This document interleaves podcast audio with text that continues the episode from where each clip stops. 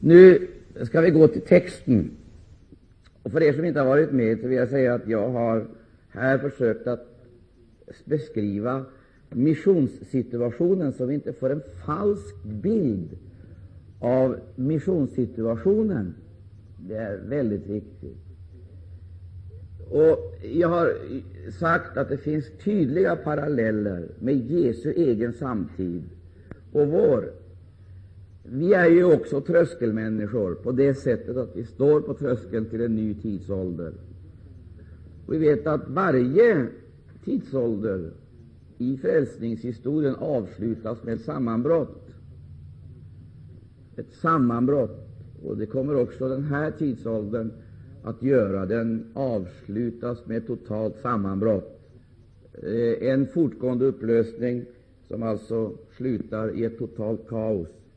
Ett kaos där inte längre inomvärldsliga krafter, teknik, organisation, eh, alltså teknologi, organisation och byråkrati, inte ens psykologi, räcker till för att lugna sinnena och upprätthålla någon eh, ordning, utan det tarvas utomvärldsliga krafter. Då är församlingen borta, och istället så kommer den Messias som mänskligheten har manat fram. Mänskligheten, när jag säger mänskligheten, då tänker jag i första hand på den religiösa delen av mänskligheten.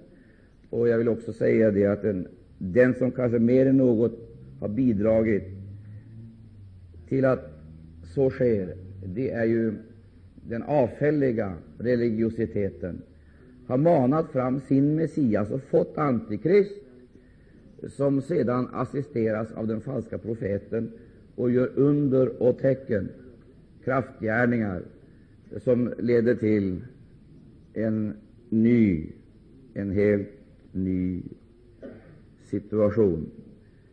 Men det handlar om missionssituationen.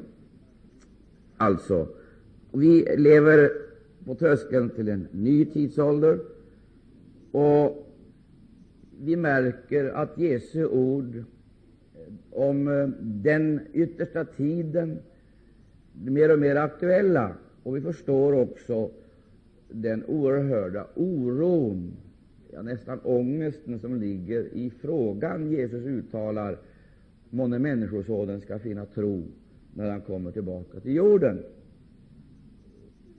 Tron är verkligen inte var mans, och den blir alltmer ovanlig. Och då är det inte frågan om verksamhetstro, utan det är frågan om uppenbarelsetro, ursprunglig Kristustro. Nu sa vi igår att orsaken till att situationen är så komplicerad är kökoreligiositeten.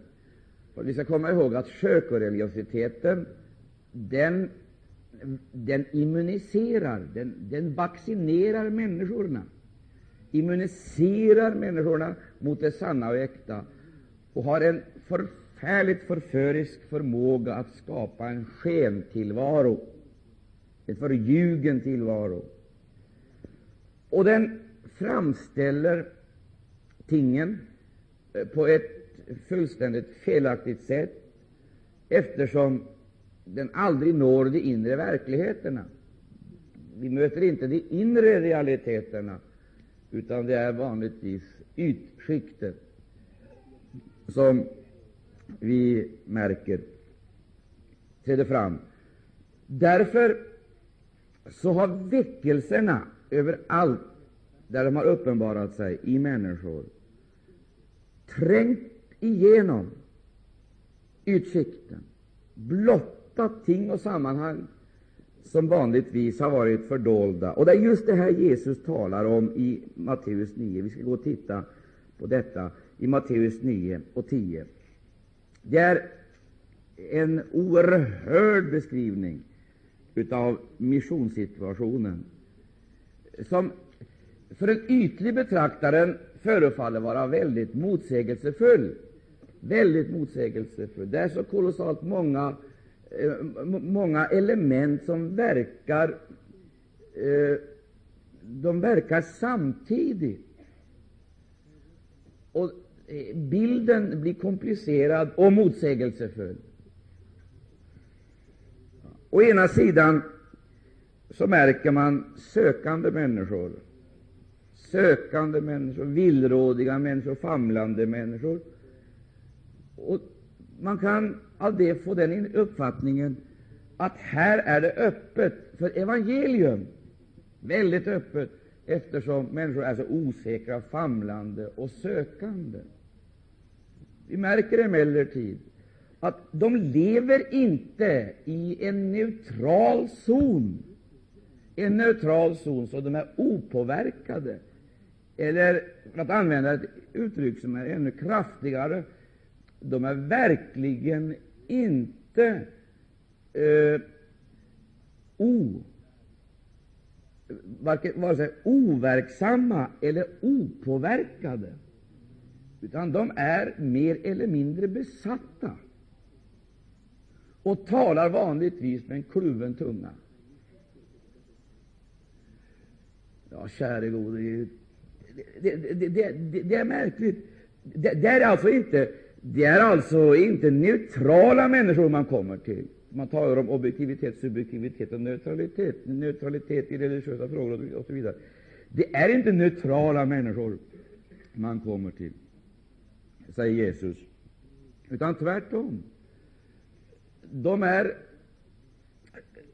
de, de har tagit ställning, medvetet eller omedvetet, så har de alltså kommit att införlivas med ett ohyggligt block. Och de, jag skulle vilja säga, de, de, som är, de som har minst kunskap, men är mediala, är egentligen de farligaste.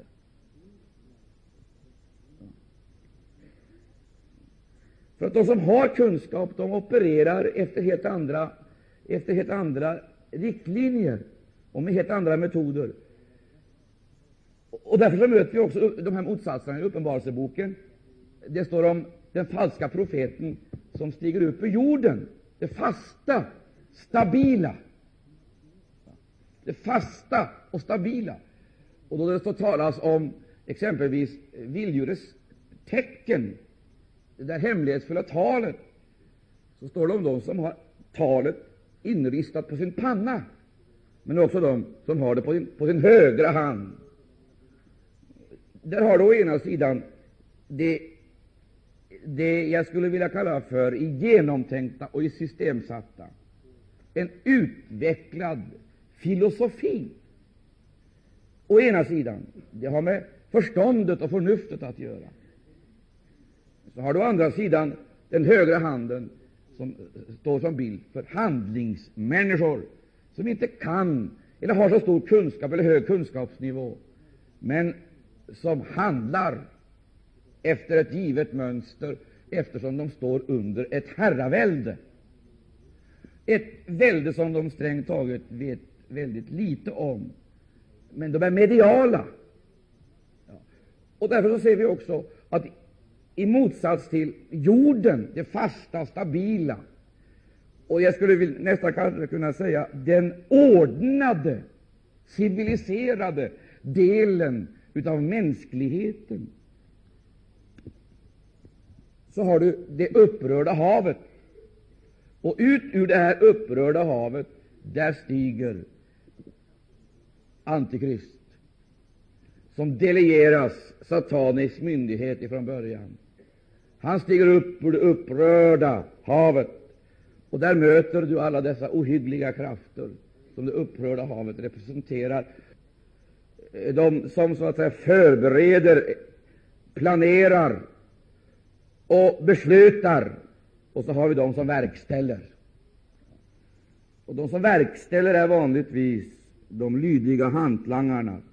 De har märket på högra handen och förverkligar så att säga idéerna som eh, blir, blir erkända. Nå, vi, vi ska alltså göra klart för oss att här har vi det oerhört motsägelsefulla. Å ena sidan sett denna öppenhet, denna längtan, denna tolerans, denna humanism, denna vänlighet. och, å andra sidan motsatserna. Och Vi ska se hur Jesus tecknar det i Matteus 9. Där säger Jesus först så här, i den 35 versen kan vi läsa och Jesus gick omkring i alla städer och byar och undervisade i deras synagogor och predikade evangelium om riket. Han predikade evangelium om riket och botade alla slags sjukdomar och all slags skröplighet. Och när han såg folkskarorna ömkade han sig över dem, eftersom de vore så illa medfarna och uppgivna. Lyssna nu noga till detta och ta helst upp din egen bibel och bläddra fram till Matteus 9 och läs där tillsammans med mig den här beskrivningen ah, som Jesus ger här.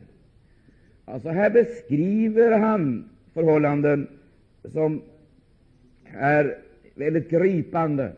Och han säger han säger så här, när han såg folkskaran ömkade han sig över dem, eftersom de vore så illa medfarna och uppgivna, lika får som icke hava någon herde. Därför sade han till sina lärjungar, skörden är mycken, men arbetarna är få. Bedjen för den skull skördens Herre, att han sänder ut arbetare till sin skörd. Och här måste vi dröja en ganska god stund för att riktigt ta reda på vad Jesus kan mena när han säger att arbetare ska sändas ut till den myckna skörden. Och Jesus pekar på den enda framkomliga vägen för hans sändebud. Den enda framkomliga vägen för hans sändebud i den här speciella situationen. Alltså, de skulle vända sig till ett religiöst folk, ett fromt folk. De skulle vända sig till ett till synes längtande folk, illa medfaret folk ett skingrat folk, ett plågat folk. Och Jesus säger det som är absolut nödvändigt och som är det första man måste tänka på och avskilja sig för, det är bön. Bön. Och där skulle jag vilja säga all mission börjar med bön. Men vi ska lägga märke till han säger inte att vi ska bedja så där, böner i största allmänhet, utan bedja om en speciell sak. Alltså att bedja om arbetare eller bedja om redskap. Och Jag skulle vilja riktigt dröja inför det här, vad Jesus kan mena med att arbetare ska sändas ut till den myckna skörden. Och Det finns heller inga möjligheter att bedja på ett rätt och sant sätt om inte vi får en vision. Vi måste få en vision, och så måste vi få uppleva smärta. En djup smärta, det vill säga vi måste känna med människorna och uppleva detta lidande som är ett ställföreträdande lidande. Ja, vi måste känna de här krafterna och makterna som de är bundna utav. Vi, vi måste gå i närkamp med dem. Det som först måste till, det är bön. Jag är eh, verkligen förvånad över att missionsarbetet tycks kunna uh, gå vidare utan ett fungerande böneliv. Det förvånar mig väldigt mycket. Finns det något område där vi kan testa en församlings eller en kristens inre liv, så är det just i fråga om så är det just på den här punkten, bönen, bönelivet. Frågan om att vi beder, men också frågan om hur vi beder. Att tänka sig ett evangeliskt arbete utan bön, det är som att försöka få en bil att gå utan drivmedel. Vilken bil som helst rullar. Du kan få 10 eller 20 stycken som skjuter på ditt fordon, och det rullar. Du kan få dem att skjuta på, anstränga sig och springa efter ditt fordon och skjuta på det, och det rullar. Det går. Det kan vara en modern bil, en amerikansk bil. Det kan vara en buss, och du kan få 10, 15 och 20 som, rullar, som skjuter på och den rullar. Men har du drivmedel, då kan du säga åt dem som skjuter på att sätta sig i bilen. Halleluja. Då kan du be dem sätta sig i bilen. Varsågod och sitt upp. Och, och, och, och, bilen kommer att föra dem vidare, därför att den har drivmedel. Och Drivmedlet, vad det är, borde ju vi veta. Och nu vet du, det finns ju ingen så oförnuftig människa som säger så här, när det helt plötsligt är stopp vid något, någon dikesren någonstans. Det är ingen som säger, men snälla ni, är det stopp? Jag tankade ju bensin då jag köpte bilen. Varje bilist vet ju att det, den plats han oftast besöker utom hemmet, det är bensinmacken. Och det är ju likadant i Guds rike. Den plats man oftast måste besöka, det är ju tankningsstället. Vi måste ju till bönestället. Och, och, och, du förstår, finns det inget böneställe upprättat, eller som vi hörde här igår kväll, ett, ett altare upprättat, naturligtvis i ens eget liv först och främst, så skall vi inte för ett ögonblick tänka oss att Guds verk skall kunna gå vidare. Vi kan skapa effekter och rörelser genom vår kunnighet och våra talanger, men det blir ingen andlig frukt av det. Utan det som är fött av kött är kött, och det som är fött av ande är ande. Människa, se till att du kommer till tankningsstationen och får rätt bensin och rätt oktanvärde. Ära vare Gud och Lammet. I tanken så ska du få se det att det där fordonet som du hade så fruktansvärt mycket arbete med, det kommer att gå helt av sig självt. Och du kan be de andra att stiga upp i bilen, och ni kommer att köra rätt så bekvämt. Fatta mig nu rätt. Därför att Gud är ju inte intresserad av att vi använder så att säga vår fysiska kraft för att slita ut oss på att få hans verk vidare. Vad han vill göra det är att göra sina gärningar kunniga. Och det vet du väl, människa, det är ju ingen reklam för Volvo, om alla Volvoägare springer omkring på gatorna eller skjuter alla Volvobilarna så att säga på våra gator. Det är ju ingen reklam för Volvo eller andra bilmärken. Jag kanske heller inte ska göra reklam för Volvo här. Det vill jag inte göra. Men vi ska göra klart för oss en sak. Det är ju ingen reklam för ett bilmärke att människorna som har det måste skjuta det oupphörligt. Vad vi måste göra klart för oss, det är att vi skaffar oss drivmedel. Och det, det kanske endast på ett ställe, och där är bönen. Och då vill jag säga först och främst i den enskilda bönen att gå in i din kammare och stänga igen din dörr. Be till Gud som ser det fördolda. Då skall Gud som ser det fördolda vedergälla det uppenbara. Och du skall icke tro det att lovsången i och för sig kan ersätta denna bönekamp. Och har du tänkt att Guds verk skall få ha framgång, så måste du ju bedja att Herren får sända fram arbetare. Och lägg märke till, han säger skörden är mycken och arbetarna får bedja för den skull att han sänder ut arbetare till sin myckna skörd. Lägg märke till, han säger inte arbetare till sådden, utan arbetar till skörden. Och jag vill säga, varje situation kräver sina speciella arbetare, en speciell typ av arbetare. Därför att eh, skördearbete är det tyngsta som överhuvudtaget existerar. Det fanns inte skördetröskor och sådana väldiga vidunder vid den här tidpunkten då Jesus talade. Varje lite kärve som skulle räddas, den fick man helt enkelt ta, skära ner med handen och binda ihop och arbeta med. Och det fanns inga skördetröskor som tog hand om skörde, som tog hand om tröskningen, utan det fick man också göra praktiskt taget manuellt. Det, det, det, det är ett fruktansvärt arbete. Så han gör klart för, för lärjungarna det att det, det är förenat med mycket, ett stort ansvar och varje tid, varje tid, såningstiden kräver sina arbetare och skördetiden kräver sina speciella arbetare, som är avskild, icke för såningsuppgifterna, utan för skördeuppgifter. Och vi vet också att skördetiden är kort, som vi sjunger. Mycket måste ske på kort tid. det är angeläget att få in, bärga in skörden innan eh, ovädret kommer. Eller också, för att eh, tillämpa skriften i ett annat sammanhang, det är synnerligen angeläget att bärga de här skördefälten innan fienden skövlar dem. Det, det, som har skett i vårt land är ju det att fienden har skövlat fälten i stor, alldeles för stor utsträckning därför att det har funnits arbetare.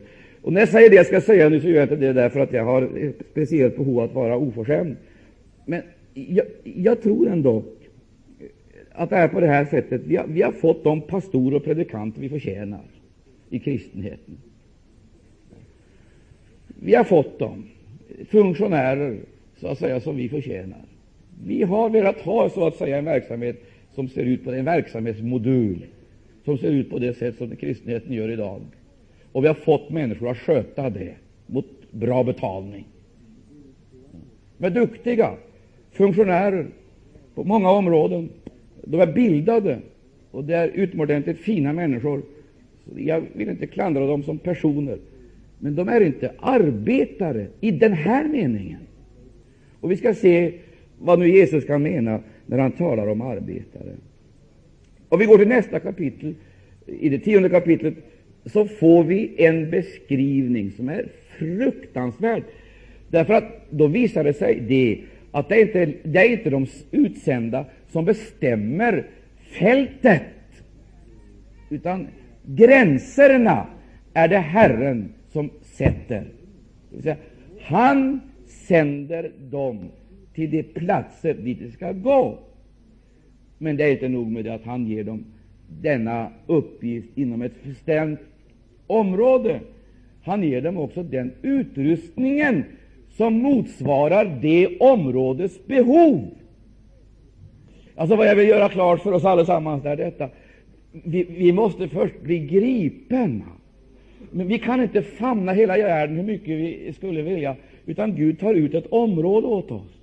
Och för detta område, och de människorna, får vi en speciell kärlek. Och de kommer vi att älska på ett annat sätt, så vi känner att vi vill gå i döden för dem. Så ligger det till. Och när detta inträffar, då kan man inte arbeta mekaniskt längre. Utan då, då handlar det inte längre om funktionär, utan då handlar det om släkt och faderskap. Fäder och mödrar som måste gå in under ett ansvar av en helt annan karaktär. Här i tionde kapitlet ska vi se hur, den här, hur det här missionsfältet ser ut dit lärjungarna skulle sända. Vi ska upptäcka att miljön är förgiftad och fördärvad utav religiositet, falsk religiositet och framför allt utav en fullständigt felaktig Messiasbild, eller en förkrympt eller stympad Jesusbild, eller stympad Messiasbild. Man såg den förhärligade, den härlige Messias, men såg inte den lidande.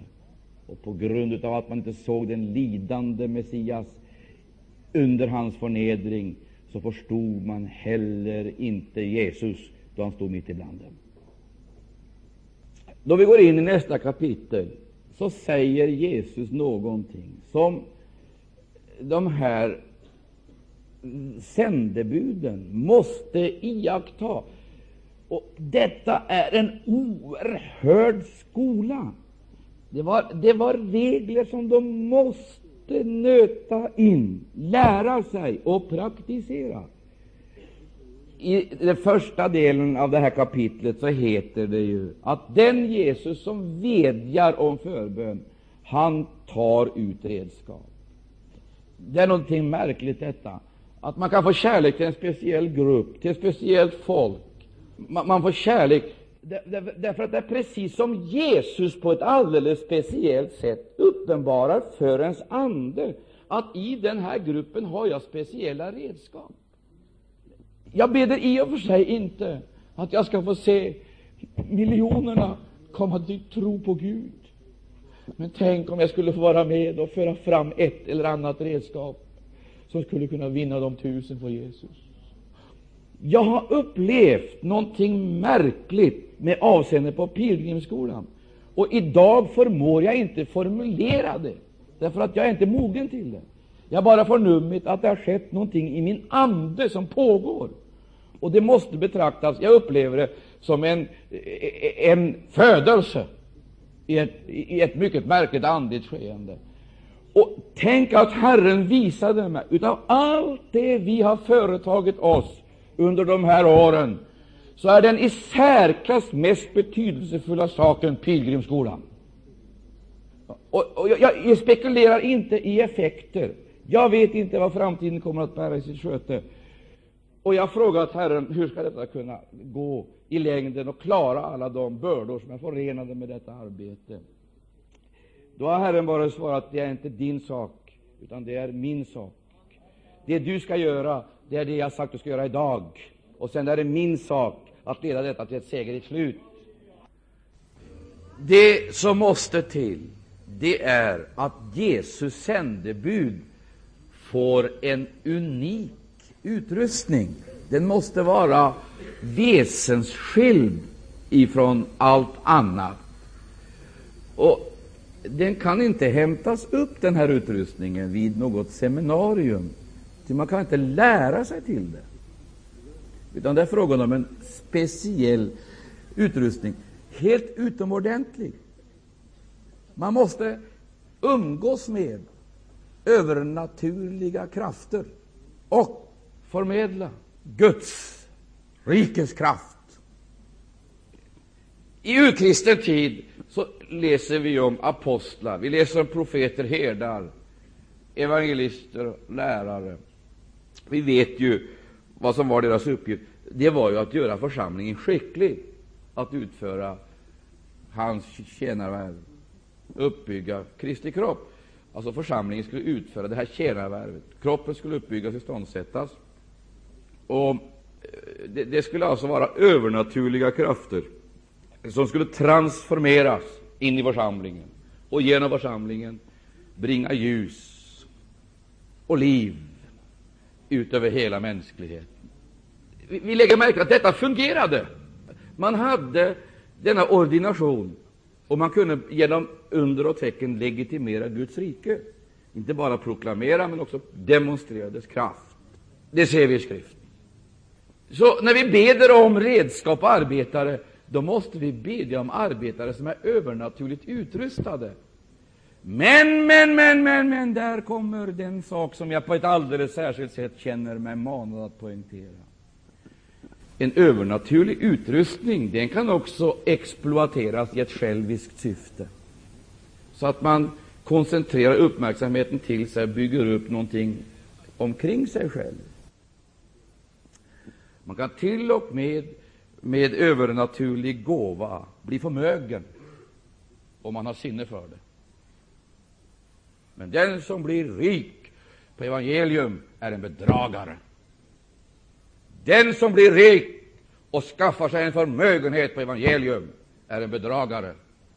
Och det spelar ingen roll om man är svensk eller amerikansk. Ty Jesu vittnen måste underordna sig den ställning Jesus själv hade.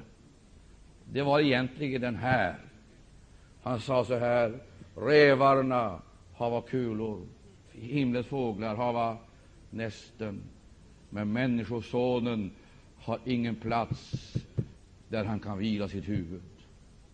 Och lägg märke till, ju längre in i Guds fullkomliga plan man kommer, ju mer upplever man fattigdomen som en ynnest. Och varför blir det en ynnest? Ja, jag ska, jag ska, visa på det. Jag ska visa det på det. Varför blir detta en ynnest? Man upplever att det är en nåd att dag för dag på samma sätt som Jesus vara beroende av Fadern. Jesus hade ingen åsna. Jesus hade ingen sal där han kunde bereda en måltid. Det hade han inte. Han fick låna en. Jesus hade ingenting utav det närvarande kunde erbjuda. Ja, han blev erbjuden allt, men han sa nej. Och så sa han ja till Guds fullkomliga vilja. Och nu ska vi se varför detta är så nödvändigt. Det ligger nämligen till på det här sättet, och jag vill att du ska lyssna noga till det jag nu säger. Det är nämligen på det sättet att i världen, där byggs människovärdet upp efter ett speci speciella normer. Vad är det som ger dig värde idag? Och vad är det som ger människan värde i tiden? Tänk efter. Ja, det som ger dig självförtroende, observera självförtroende, inte Guds förtroende och Kristustro, men det som ger dig självförtroende och gör det möjligt att följa den moderna filosofin självförverkligande och jämlikhet och alltsammans, det där jämlikhetssträvande som är det mest falska man kan tänka sig då det pågår i världen. Därför att den har fullständigt felaktiga utgångspunkter. Men vi, vi, vi lämnar det. Det som ger människorna ute i världen idag, det vi kan kalla för människovärde, vad är det för någonting? Det ska vi höra här. Det är för det första namnet, eller släkten. Det är inte likgiltigt vilket namn du har, vilken släkt du är född in i. Det finns massor av människor som är födda till rikedom, och de är födda till makt. Ekonomisk makt, religiös makt och politisk makt. Vi skulle kunna ta konkreta exempel. Det är inte likgiltigt vilken släkt du tillhör, vilket namn du bär. En del föds till makt, föds till rikedom. De föds till privilegier och får därigenom sitt speciella värde i världen. Nog är det en väsentlig skillnad att bära namnet Imsen i, i, i världen och Wallenberg, för att ta några konkreta exempel. Du, jag föddes in i en tvårummare, i ett litet hus och inte till ett slott. Det vill säga, det ligger ett väldigt värde i att vara född i slottet, vara släkt med kungen. Och du behöver inte vara kronprins eller prins, utan du kan bara röra dig i hovets närhet. Så har du genom närheten till hovet så har du privilegier. Det ger dig värde. Men det är inte bara namnet och födseln som ger oss värde i världen, utan det är också vår bildning. Bildning, det är en väsentlig skillnad på bildningsnivåer. Och det som ger människovärde, det är bland annat bildningsnivån. Du kan vara akademiker, exempelvis. Och även om vi försöker allt vad vi kan för att sopa igen alla klyftorna mellan skikten, så är det en väsentlig skillnad på att röra sig i socialgrupp 1 och i socialgrupp 3, exempelvis. Socialgrupp 1 där har du möjligheter att få bildning, och man sätter sin ära i att få sina barn in vid universiteten. Det är bildningen som ger värde, den akademiska titeln och sedan också karriären. Där har du ytterligare ett tredje exempel som ger värde, människovärde och självförtroende. Det är karriären. Det ger värde, och, och det ger glans och tillvaro. Men det finns flera ting. Egendom ger också värde. Det är en sak att bo i ett rum och kokvrå och bo i en sjurumsvilla. Det är en sak att ha ett litet torp och ha en stor bondgård, ett lantbruk. När jag nu talar här så uttalar jag mig inte om ägandet såsom en princip. För det vågar jag inte göra ännu, för att då är det mycket möjligt att ingen stannar kvar här, och jag vill gärna att ni ska vara kvar här över helgen. Alltså, låt, låt, låt mig få göra klart för oss en sak, att det är på det här viset det är en väsentlig skillnad att ha ett torp och ha ett lantbruk. Det är en sak att ha en ko och mjölka för att få till sitt eget behov och ha 150 kreatur som ger tusentals kronor i inkomster om dagen. Det är värdemätare och det ger självförtroende. Det är en väsentlig skillnad att ha läst vid universitetet i Cambridge, i London, och ha gått på pilgrimsskolan. Förstår du det? Det är en väsentlig skillnad. Det är helt olika värderingar. Det är inte säkert att du blir advokat i pilgrimsskolan, eller läkare, eller ingenjör, eller byrådirektör eller direktör. Det är inte säkert att du blir kommunalpolitiker, veterinär eller hälsovårdsnämndsordförande. Det är inte säkert, troligen inte, men sannolikheten talar för att du blir frälst. Blir frälst, blir frigjord och blir en martyr, ett Herrens vittne. Det innebär inte att du blir lottlös och lönlös. Det innebär bara att du får vänta på avlöningsdagen. Och så får du vänta på förhärligandet till den dag då allt kommer att utbetalas efter rättvisa normer. Och det kommer att utbetalas vid hedersdomstolen som himlen har rest och som heter Kristi domstol. Det är inte säkert att du får ärekransar, doktorshattar vid pilgrimsskolan, men du kanske får smededräkten på dig och korset. Ära vare Gud och Lammet, och så småningom så kommer du att få kronan. Det är en väsentlig skillnad att vara biskop i Svenska kyrkan och ett Maranatavittne som står och ropar ut på torgen Jesus kommer.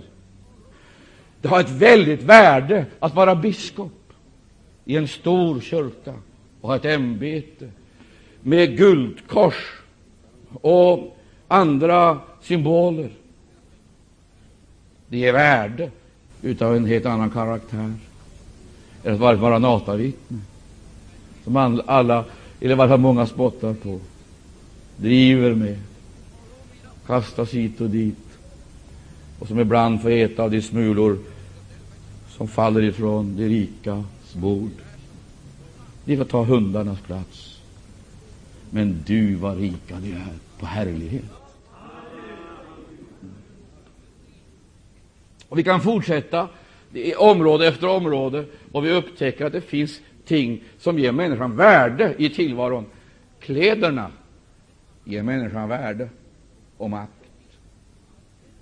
Och det är därför att vi är så angelägna om att få moderna kläder. För genom just att vi har moderna kläder, där vi är up to date, vi är uppmärksammade och kanske också, kanske också beundrade. Kläder har väldigt stor betydelse. Det är väldigt stor skillnad på att gå i konfektionssydd och skräddarsydd kostym. Den skräddarsydda kostymen ger ett helt annat självförtroende, framför allt när man ser ut som jag gör. Alltså, vi måste göra klart för oss det finns en hel del sådana här saker som ger värde, mervärde och självförtroende. Och Varför jag betonar det här så starkt, det är därför att du ska förstå vad Jesus nu gör. Vad gör han? Det första som sker med de här det är att han avkläder dem eller avrustar dem allt som ger dem självförtroende och värde i världen. Allt som fegrar och fångar och, och, och, och drar och, och, imponerar och duperar och förför. Allt som han, han tar alltsammans ifrån dem. De får inte ens ha två mantlar, inte två par skor. Och de får inte ha ränsel med sig, de får inte hamstra någonting. Och de får inte ha guld eller silvermynt. Och de får heller inte ha vapen, därför att de representerar ingen inomvärldslig makt och har inga inomvärldsliga maktmedel till sitt förfogande. Men du ska få se den diametrala motsatsen, och det är det som grämer mig och skrämmer mig och plågar mig. Och du ska se den fullt utbildad och utvecklad, därför att det finns en falsk religiositet som har sett det som sin huvudsakliga uppgift att skruda sig i alla de maktmedel som världen överhuvudtaget förfogar över. Hon har allt sammans detta. Allt sammans. När Petrus sa silver och guld har jag icke, så var inte det en lögn eller e-, ett påstående. Det var en verklighet. Men han borde ju ha haft ganska mycket, eftersom han alldeles nyss hade varit med om några väldiga väckelser som hade gjort att många kom och la ned förmögenheter vid hans fötter.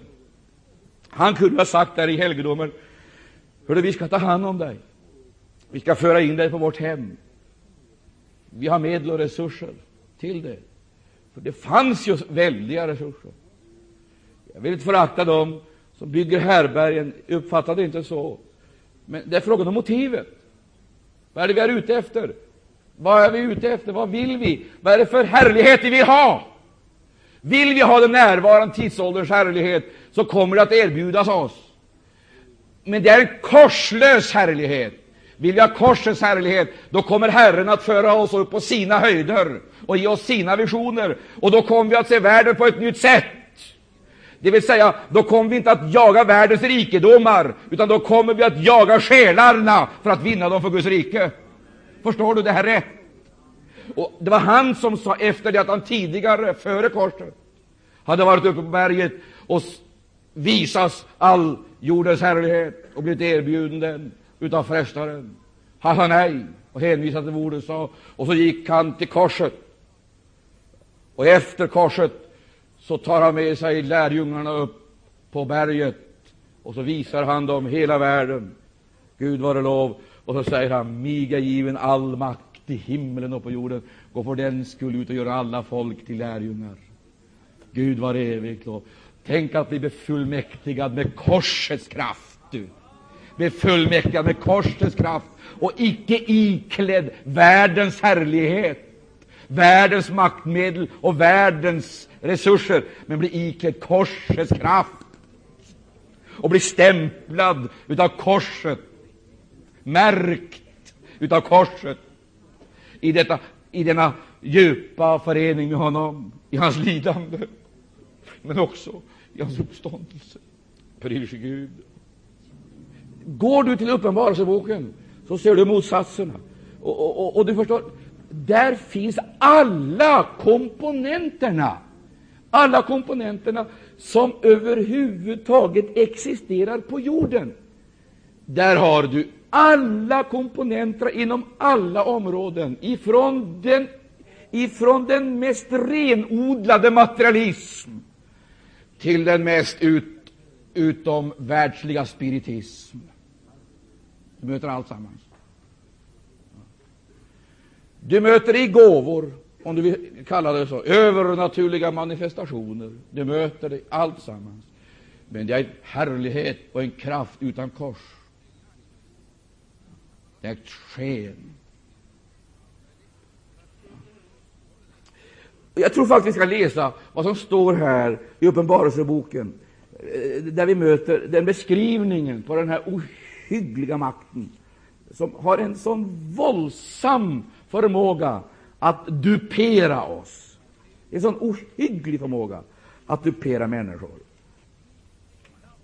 Är det någon här som inte är imponerad av rikedomarna? Nej. Vi, vi, vi, vi blir lätt påverkade.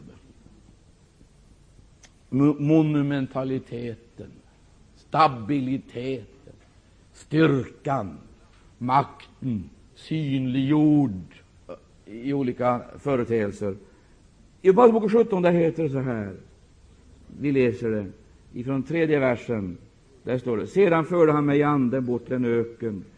Där såg jag en kvinna som satt på ett scharlakansrött vilddjur, fulltecknat med hediska namn. Fulltecknat, observera. Och här har vi det. Här, allting finns representerat. Allting, både mysticism, magi, besvärjelse. Det, det finns allt som överhuvudtaget rör sig inom det religiösa området, inom det materiella, fysiska området, inom det kulturella livet, politiska, sociala, allt sammans finns här i en oerhörd blandning och uppbyggt med en otrolig skicklighet.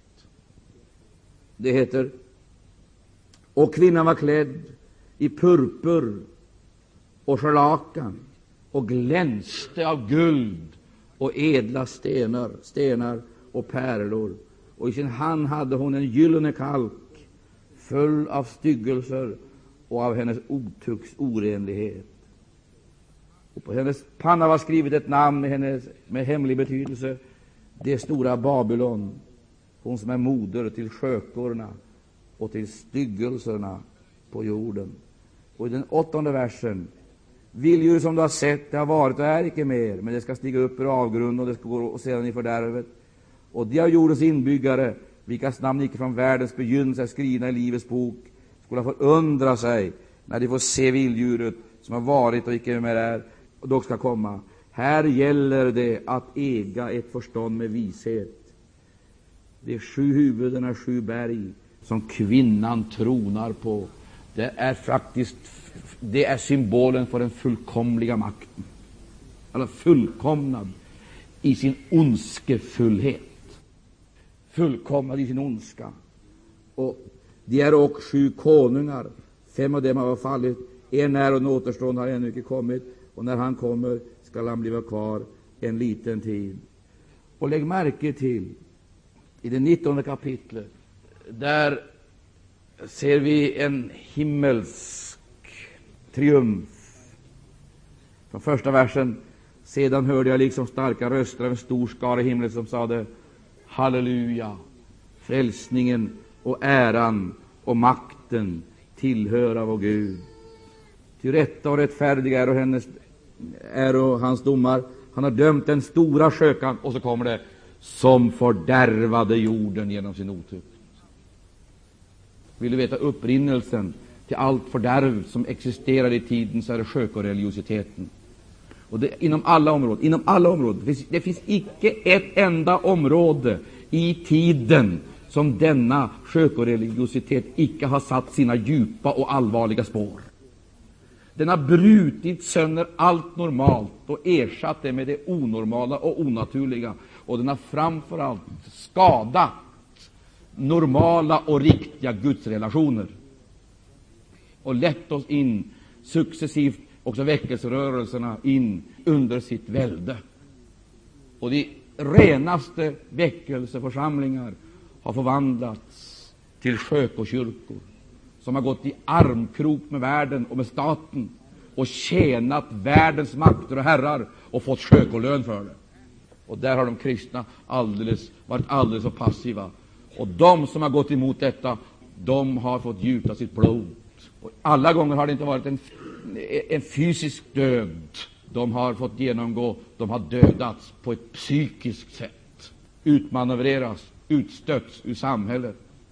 En del har förtidspensionerats, sinnessjukförklarats, fått tillbringa tider så att säga i isolering, till och med bland sina nära och kära, därför att de varit så missförstådda, plågade, för att de har hela deras liv har varit en protest emot dessa förhållanden. De har vägrat att acceptera skökoreligiositeten. De har sett lammet, sett lammet och vikt sitt liv för att följa lammet vart det går. Du, där ser du den prunkande härligheten, den, allt som överhuvudtaget fegrar och tilltalar det mänskliga sinnet. Alla hennes sinnen är bombarderade av intryck, synintryck, hörselintryck, genom kultur, konst, musik och så vidare, genom politik, sociala anordningar och så vidare. Allt detta eh, som på ett eller annat sätt påverkar eller styr henne har hon i sina händer. Men Jesus, han säger för att vi under dessa förhållanden skall kunna bli hans vittnen, då måste vi gå en helt annan väg. Och när Jesus talar om att bedja för den skull, eh, skörden så här, att sända arbetare ut, då, då har jag funderat. Jag har tänkt, månne inte en stor del av det här arbetet egentligen är ett arbete med arbetaren själv. Jag skulle vilja fråga. Det, det är inte lätt att gå Jesu väg och komma på det här viset. Alltså, du, man, man, kommer utan någon ordination. Man har inte ett papper, man har inte, man har inte en examina. Man har, man, man har inga yttre saker som man, man, kan förankra sig vid, eller som kan ge människorna det där, det förtroendet. Har ni lagt märke till att en stor del av tiden åtgår ju nu för att lösa sociala frågor? Sociala frågor för instruktörer, för predikanter, pastorer. Det är löner, det är bostäder, det är försäkringar och pensioner. Allt sammans detta. Man har sammanträde på sammanträde för att lösa det. Det är frågor som pockar på sin lösning. Och jag, jag kan inte hjälpa. Jag tycker att detta är någonting så utomordentligt snedvridet. Ty vad vi som Herrens vittnen i den här tiden mer än någonting behöver, det är den utomordentliga utrustningen. Och framför allt frimodigheten, kraften ifrån höjden. Ty vad är vår uppgift? Det är ju inte att förvandla församlingen till en, till en motsvarande bit Eh, utav det profana samhället, liksom överfört på det religiösa området. Det kan inte vara eh, vår uppgift att skapa sådana system, utan det, det, som måste vara vår primära uppgift idag, det är att vi blir, att vi blir utrustade med den här kraften. Och då kommer jag tillbaka till det jag sa igår, nämligen då måste vi först bli intakta med situationen och förstå det andliga skeendet, få det uppenbarat för oss, så vi kan skåda igenom attityder och, och fasader och få se det som rör sig bakom, innanför det yttre skeendet, det, det yttre mönstret och den yttre härligheten. Vi måste se vad som finns där inne. Och då måste vi få de medel och instrument som kan lösa de inre problemen. Jag skulle vilja säga de problem som finns i det djupa folkskiktet och i folksjälen. Då kommer konflikten. Då måste vi spränga idyllen där den finns och komma fram till det jag vill kalla en helig realism. Och det kanske måste börja med att din idyll ruineras. Det, det, det måste brytas sönder. Och vi får det här klart för oss.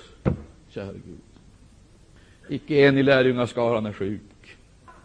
Alla är friska. Och detta är ingen sensation och, och något speciellt. När lärjungarna kom tillbaka och berättade för Jesus att till och med de onda andarna är oss lydiga, då sa Jesus, det ska ni inte ta som någonting utomordentligt sensationellt. Det är det där det stora sitter.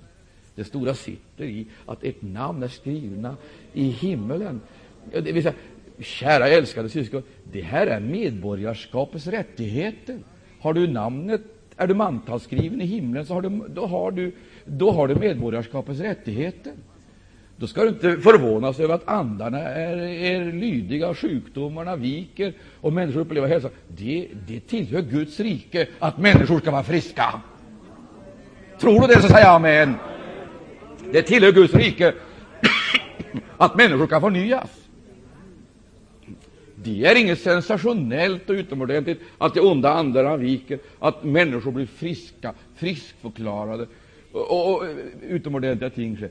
Det ska ni inte förvåna er över. Det är helt naturligt.